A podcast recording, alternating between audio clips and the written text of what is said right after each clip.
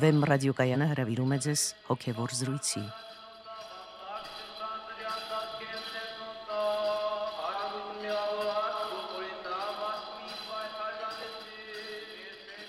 Բարև ձեզ բարեկամներ։ Կերկին ձեզ հետ հոգևոր զրույցներ հաղորդաշարն է։ Ստուդիայում Մանուկ Հերգինյանն է։ Իմ զրուցակիցը այսօր արժանապատիվ Տեր Մեսրոպ Քահանա Արամյանն է։ Օրհնեցեք Տեր հայր։ Աստված օրհնի։ Այսօրվա մեր զրույցը հաղորդության խորհրդի վերաբերյալ է։ Քրիստոնեության մեջ հաղորդությունը անվանվում է խորհուրդների խորհուրդ։ Տեր այր, առաջին իմ հարցը հենց հաղորդության խորհրդի կարևորության վերաբերյալ է։ Ինչու է հաղորդության խորհուրդը այդքան կարևոր քրիստոնյայի համար։ Իսկապես հաղորդության խորհուրդը անվանվում է խորհուրդների խորհուրդ եւ եկեղեցու խորհրդակատարությունների մեջ Սուրբ հաղորդության խորհուրդը կենտրոնական տեղ է զբաղեցնում։ Դա նախ եւ առաջ նրա համար է, որ հաղորդության խորուրդը ինքը որպես խորուրդ իր մեջ բովանդակում է ամբողջ քրիստոնեական փրկagorցության խորուրդը, որովհետև հաղորդությամբ մարդը հնարավորություն ունի հաղորդվելու կենթանի աստվածության հետ եւ ընդունելու իր մեջ փրկության թթխմորը, որ մեր Տեր Հիսուս Քրիստոսի մարմինն է։ Հաղորդությամբ ըստ էության մարդը մուտք է գործում աստվածային ոլորտ։ Նրա մեջ սկսվում է աստվածային խմորման process, աստվածայինի հետ ընդխառնվելու process, աստվածացման process։ Այս առումով նաև հաղորդությունը մարդուն որպես խորհրդակատարություն թույլ է տալիս անել մի բան, որը հնարավոր չէ ընդհանրապես մարդկային բնության համար, հասանելի չէ մարդկային բնության համար։ Եվ առհասարակ մինչև քրիստոնեությունը նման օրինակ խորհրդակատարություն հնարավոր չէր։ Դա հնարավոր եղավ միայն բանի մարդեղությամբ, երբ որ Աստծո որդին մարդացավ, այսինքն Աստված անընդմիջելիորեն մերձավորվեց մարդկային բնությանը դարձավ կատարյալ եւ ճշմարիտ մարդ եւ մեզ հնարավորություն ընձեռնեց աստվածանալու Փաստորեն հաղորդությամբ մեր մեջ սկսում է աստվածացման այդ process-ը, որը հունարեն լեզվով կոչվում է թեոսիս, հայերեն աստվածացում։ Մենք մեր մեջ ընդունում ենք աստվածային թթխմորը, որը խմորում է մեր զանգվածը աստվածային խմորումով։ Եվ իր մեջ հաղորդության խորհուրդը այս առումով խտացնում է ամբողջ քրիստոնեական փրկagorցությունը Տեր այր, դուք նշում եք, որ հաղորդության միջոցով է մարդ մերձավորվում Աստծուն։ Իսկ ինչու մկրտությունը բավարար չէ։ Չէ՞ որ մկրտությամբ մարդ մաքրվում է իր մեղքերից, արդյոք ինչու դա բավարար չէ Աստծուն մոտենալու համար։ Գիտեք, ինքը փրկagorցությունը դա մի ստատիկ վիճակ չէ։ Մկրտությունը փաստորեն դուռն է։ Այդ դռնով մենք մտնում ենք փրկagorցության ոլորտ, բայց կան նաև կատարելության շատ բարձր աստիճաններ, եւ առանց Աստծո հետ միավորվելու մենք այդ կատարելության բարձրագույն աստիճաններին չենք կարող երբեք հասնել։ Եվ բացի դրանից ինքը հաղորդությունը նաև ունի ոչ միայն կատարելագործող այլ նաև զորացնող խորուրդ։ Ինքը անընդհատ անհրաժեշտ է քրիստոնյային իր հոգևոր կյանքը զորացնելու համար։ Մենք առանց Աստծո ոչինչ չենք կարող անել մենք անընդհատ կարիք ունենք Աստծո զորակցության, իսկ հաղորդությունը դա բարձրագույն զորակցությունն է, որովհետև մենք մեր մեջ Աստվածայինն ենք ընդունում եւ սպառազինվում ենք Աստվածային զորությամբ, ներսից ամրապնդվում ենք։ Հենց այդ հաղորդությունն է, որ մեր մեջ պետք է վերականգնի հոգեվոր կյանքի կորուստները, եթե ինչ-ինչ պատճառով մեր մեջ տեղի են ունեցել հոգեվոր կյանքի տեղատվություններ։ Հաղորդությունը եւ բարձրագույն աստիճանն է, որովհետև մարդը ուղակի հաղորդվում է Աստծո հետ եւ նաեւ անընդհատ զորություն է, որ անհրաժեշտ է քրիստոնեական կյանքը պահպանելու համար։ Աստված բացարձակ հոգի է, իսկ մարդ նաև նյութական է։ Եվ մենք հաղորդության խորհրդով Աստծուն ընդունում ենք մեր մեջ։ Դա ի վերջո հոգևոր ակտ է։ Այդ դեպքում ինչի համար է անհրաժեշտ հացը եւ գինին, այսինքն նյութական կրիչները այդ խորհրդի կատարման համար եթե դա ամբողջապես հոգևոր երևույթ է։ Մեր Տեր Հիսուս Քրիստոս իր փրկagorցության խորհուրդը ավանդեց որոշակի սիմվոլների կամ նշանակների միջոցով։ Մենք տեսնում ենք, որ այդ սիմվոլները կամ նշանակները կան բոլոր խորհուրդների մեջ։ Ասենք մկրտության պարագայում դա ջուրն է, դրոշմի պարագայում դա սուրբ նյուրոնն է։ Իսկ բուն հաղորդության խորհուրդը ինքը Տերը ավանդեց հացով եւ գինիով։ Սրանք որոշակի լուրջ խորհուրդներ պարունակող սիմվոլներ են։ Այսինքն հացը եւ գինին սրբագործվում է եւ վերածվում է Տիրոջ մարմնի եւ արյան։ Առհասարակ, եթե մենք խոսում ենք քրիստոնեական սիմվոլների մասին, մենք պետք է վերհիշենք, որ ըստ Դիոնեսիոս Արեոպագացու աստվածաբանությունը ունի 4 աստիճան։ Առաջին աստիճանը կոչվում է տպավորական աստվածաբանություն, երկրորդ աստիճանը պատճառական, երրորդը նշանական եւ չորրորդը խորհրդական։ Երրորդ աստիճանը, որը կոչվում է նշանական աստվածաբանություն կամ այսպես կոչված սիմվոլիկ աստվածաբանություն,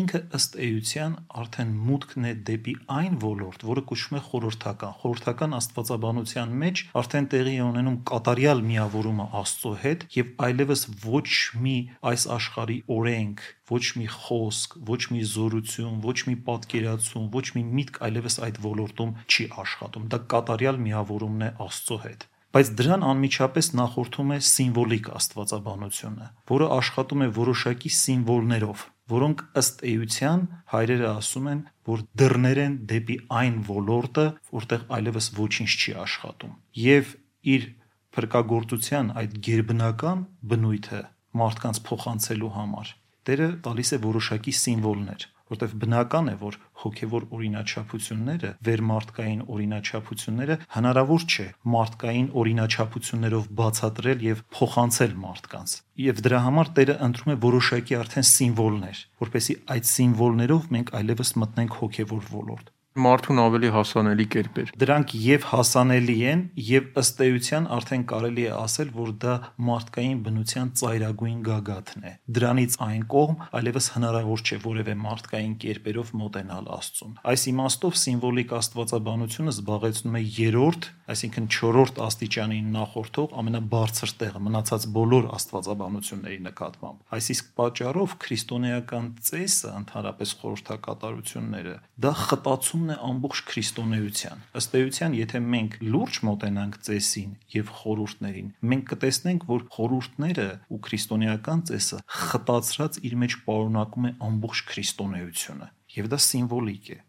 Սիմվոլիկը նաև շատ կարևոր է, որ դա պաշտպանված է արտաքին, այսպես ասած, խեղաթյուրումներից ամեն մարդ չի կարող մտնել այդ բարձրագույն սիմվոլիզմի մեջ։ Դրա մեջ միայն հավատքով հնարավոր է մտնել, այսինքն ինքը պաշտպանված է ինքը պաշտպանված լինելով դրսից, այսինքն նաև այստեղ տերունական խոսքը կա, որ չի կարելի մարգարիտները շախտալ խոզերի արչև։ Ինքը պաշտպանված լինելով նաև մարդուց պահանջում է որոշակի պատրաստվածություն եւ որոշակի բարձացում դեպի հոգեվորը առանց որի ինքը կմնա նաև փակված տվյալ մարդու համար։ Նույնիսկ ինքը կարող է լինել դատապարտող տվյալ մարդու համար, որը անարժանաբար մոտեցավ քրիստոնեական խորհուրդներին։ Այս առումով պետք է շատ լուրջ եւ զգուշորեն մոտենալ խորհուրդներին եւ քրիստոնեական ծեսերին նկատի ունենալով, որ դրանք հավատքի ակտեր են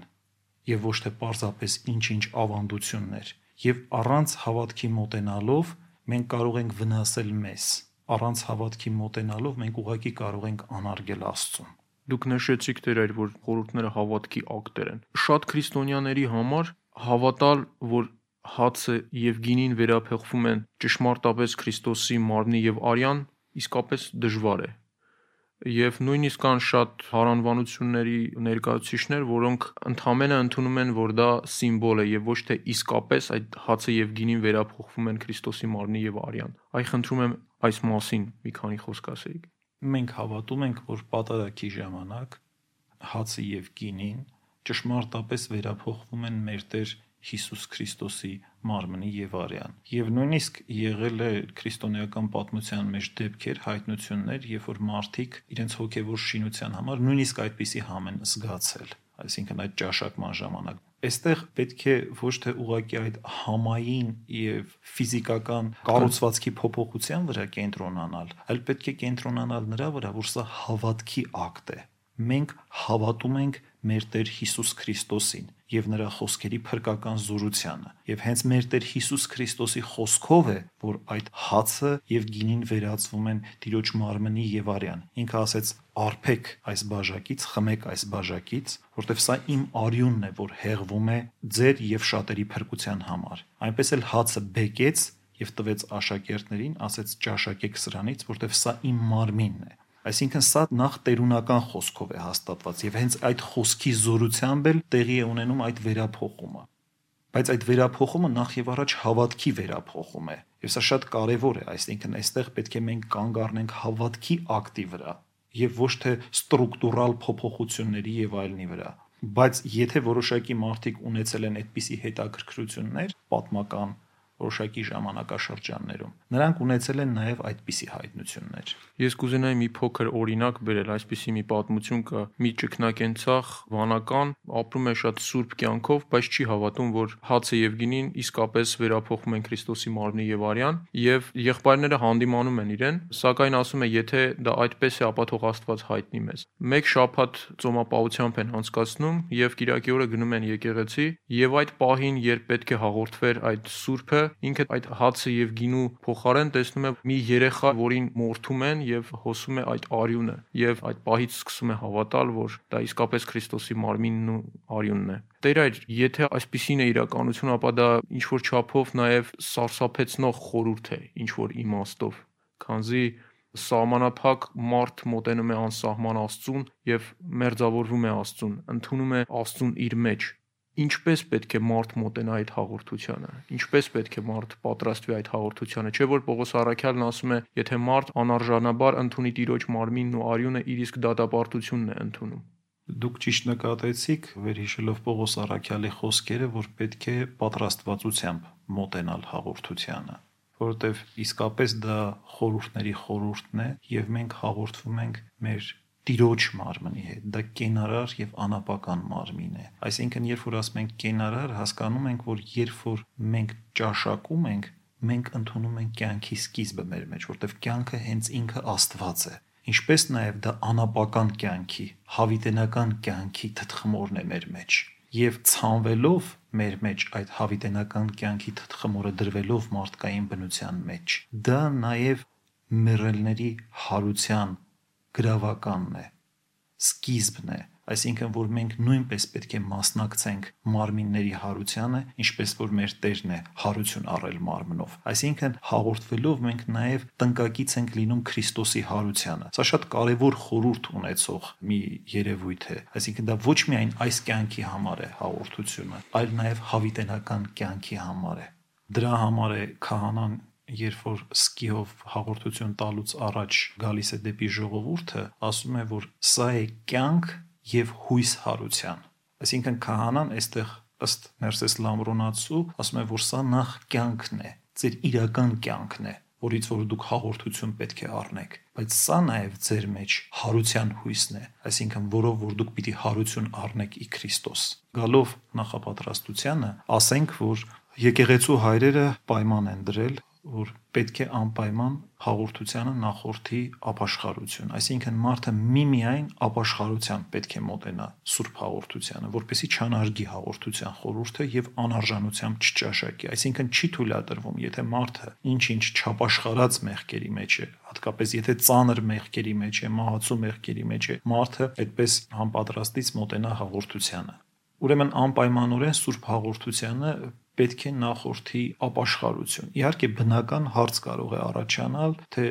ով կարող է իսկապես ապաշխարել եւ ասել, որ ես արժանի եմ հաղորդվելու, որտեվ դժվար է գտնել մի մարդ, որը իսկապես արժանի լինի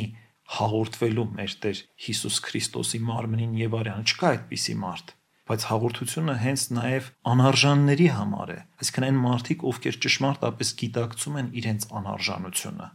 Դա միգուցե ավելի խորը վիճակ է, երբ որ քո սեփական անարժանությունն ես ճանաչում, քան եթե դու հպարտանում ես քո ինչ-ինչ առաքինություններով։ Ուրեմն մարդուց պահանջվում է ի սրտե ապաշխարության խորհրդով անցնել, որ նշանակում է ինքը պետք է զղջա իր մեղքերի համար, ինքը պետք է խոստովանի քահանային եւ ապաշխարության որոշակի գործեր անի, ապա նոր մոտենա հաղորդությանը բայց նաև պետք է նկատի ունենալ, որ հենց հաղորդության խորուրդն է շատ հաճախ մարդկանց օգնում, որպեսզի իրենք ավելի խորը գիտակցեն իրենց մեղավորության աստիճանը եւ ավելի խորը ապաշխարություն ունենան, դրանով իսկ ավելի նախապատրաստվելով հետագա հաղորդություններին։ Այս առումով մենք պետք է հասկանանք, որ առանց Աստծո լույսը մեր մեջ վառելու, առանց ներընդունելու Աստծո կենարար մարմինը եւ արյունը մենք չենք կարող խորապես տեսնել մեր մեղավորության աստիճանը։ Մենք կարիք ունենք Աստվածային շնորհի լուսավորության, կարիք ունենք ներքին լուսավորության, որպեսզի ճանաչենք մեր մեղավորության աստիճանը եւ ավելի խորը ապաշխարենք եւ պատրաստվենք։ Դրա համար նաեւ ցանկալի չէ, որ մարդը ապաշխարության պատրվակով երկարատև մնա առանց հաղորդության։ Եթե մարդը երկարատև մնա առանց հաղորդության, նրա մեջ կցամաքի հոգեվոր կյանքը, որտեղ հոգեվոր կյանքի հիմքը եւ էությունը հաղորդակցությունն է Աստծո հետ։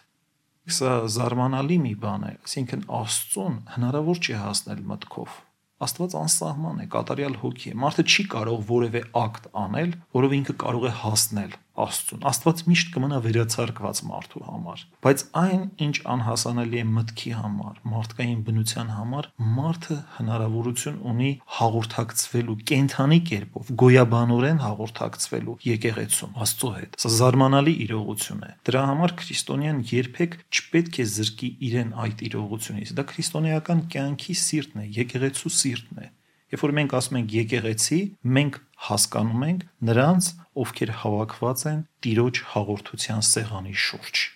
Այսինքն պատարակի շուրջ հավաքվածների միությունն է հենց եկեղեցին։ Կենտրոնական ակտն է։ Դրանից հենց որ մարդը կտրվեց, այլևս իր մեջ կցամաքի ամեն բան։ Ուրեմն մենք նաև պետք է զգուշ լինենք, որ ինչ-ինչ պատճառներով, որտեղ այդ պատճառները կարող է չարը սերմանել մեր մեջ որ դու պատրաստ չես, ինչ ես գնում հաղորդվելու, դե դեռ շատ պետք է ապաշխարես եւ այլն, որպեսզի մեր մեջ իսպար կոտրի քրիստոնեական կյանքը։ Տեր, իսկ ինչ հաջողականությամբ է անհրաժեշտ հաղորդվել? Այդպիսի օրենք հայրերը չեն սահմանում։ Դա կախված է տվյալ մարդու հոգեվիճակից, կախված է նաև իսկապես նրա պատրաստվածության աստիճանից եւ այլն։ Բայց հնարավորին չափ մարդը պետք է հաճախ հաղորդվի, այսինքն այնքանով հաճախ, ինչքանով որ ինքը պատրաստ է հաղորդվելու։ Դա կլինի ամիսը 1 անգամ կամ երկու շաբաթը 1 անգամ կամ շաբաթը 1 անգամ։ Դա այլևս կախված է տվյալ մարդուց, նրա խոստովանահորից, նաև իսկապես ինքը ինչպիսի ապաշխարության գործեր է կատարում եւ այլն տարբեր հանգամանքներից է դա կախված բայց այնուամենայնիվ յուրաքանչյուր մարդ որը ապրում է որոշակի հոգեվոր կյանքով ինքը թե ներքուստ պետք է զգա դրա անհրաժեշտությունը եւ նաեւ պետք է խորհրդակցի իր խոստովանահոր հետ Դերեր հնում շատ ժամանակ որպես մեղքերի պատիժ սահմանում էին հաղորդությունից զրկելը Դուք քիչ առաջ նշեցիք, որ քրիստոնյան ինքն իրեն չպետք է զրկի այդ հաղորդության կենարար խորհրդից։ Սա ինչպես հասկանալ։ Հաղորդությունից զրկում են այնուամենայնիվ որոշակի բացառիկ դեպքերում, երբ որ մարդը ծանր մեղքի իրավիճակներում է հայտնվել։ Բացառիկ դեպքերում խոստովանահայրը կարող է կիրառել դա։ Դա մարդը ինքը չի կիրառում, այլ խոստովանահայրը տեսնելով, որ արդեն մարդը հայտնված է շատ ծանր մեղքերի մեջ, ոչ թե հոգեվիճակների մեջ, որտեղ ընդհակառակ այդպիսի վիճակում կարող է հաղորդությունը օգնել, բայց ասենք այնպիսի վիճակների մեջ է հայտնվել, որ ինքը այդպիսով մոտենալով հաղորդությանը կարող է անարգել հաղորդության խորհուրդը եւ իսկապես հայտնվել լուրջ դատապարտության տակ։ Դա խոստովանահայրն է որոշում։ Այնուամենայնիվ ես ուզում եմ ասել, որ դա նախատեսված է ծանր մեղքերի դեպքում կամ եթե մարդը բացառիկ անզեղ չէ եւ դա դարձրել է որոշակի մեխանիկական գործողություն իր համար, ինչդեռ ինքը հայտնված է լրիվ ուրիշ հոգեվիճակների մեջ, մի խոսքով խոստովանահայրը ինքը պետք է տեսնի դա եւ եթե տեսնում է վտանգ կա այդ մարդու համար, ինքը պետք է որոշակի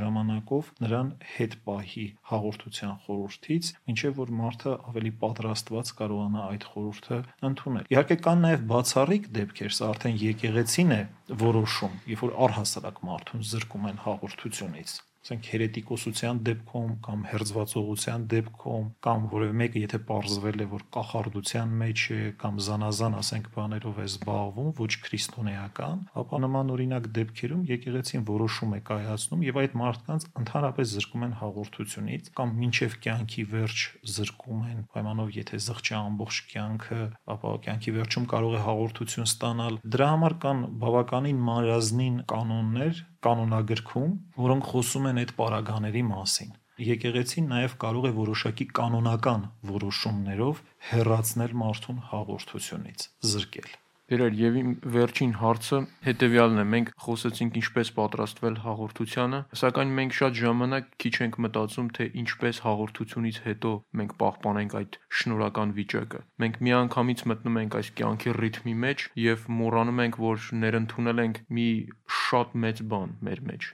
Ինչպես պահպանել այդ շնորհը եւ այդ կրակը իսկապես հաղորդությունից հետո պահելը այդ շնորհը, այդ բացառիկ լույսը, որ մենք Աստծուց ստացանք, շատ ավելի կարևոր է։ Հենց հաղորդության բուն խորհուրդը դրա մեջ է, որ մենք մեզ հետ այդ լույսը տանենք աշխարհ եւ լուսավորենք աշխարհը։ Ոչ թե մտնենք աշխարհի մեջ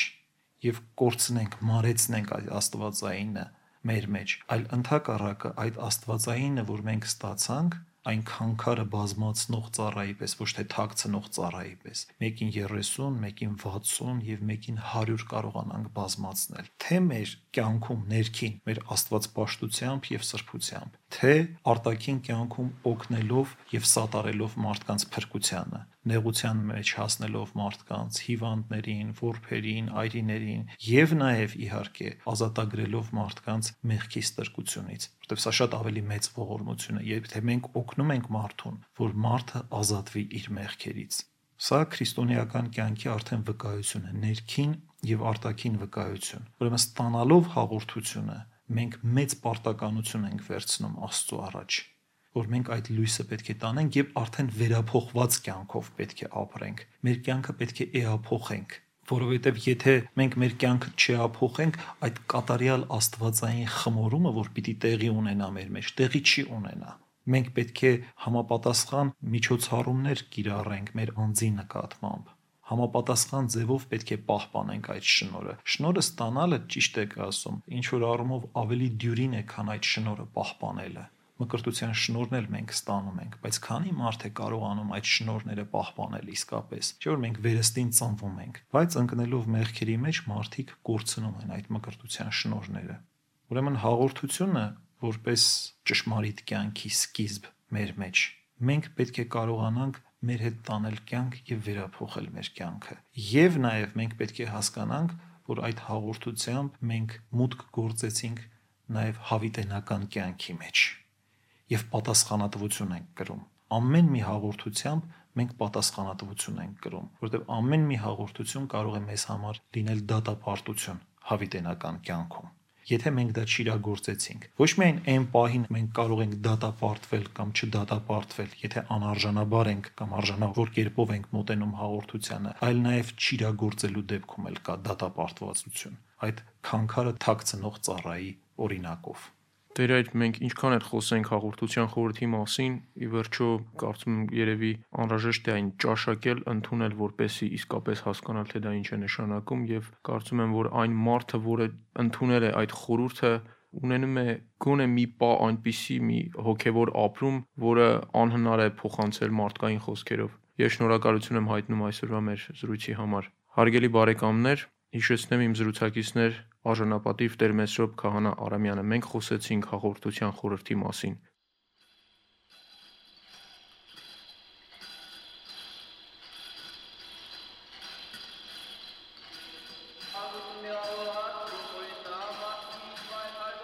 Հոգևոր զրույցներ հաղորդաշարի հերթական հաղորդումը վարեց Մանուկ Հերգնյանը։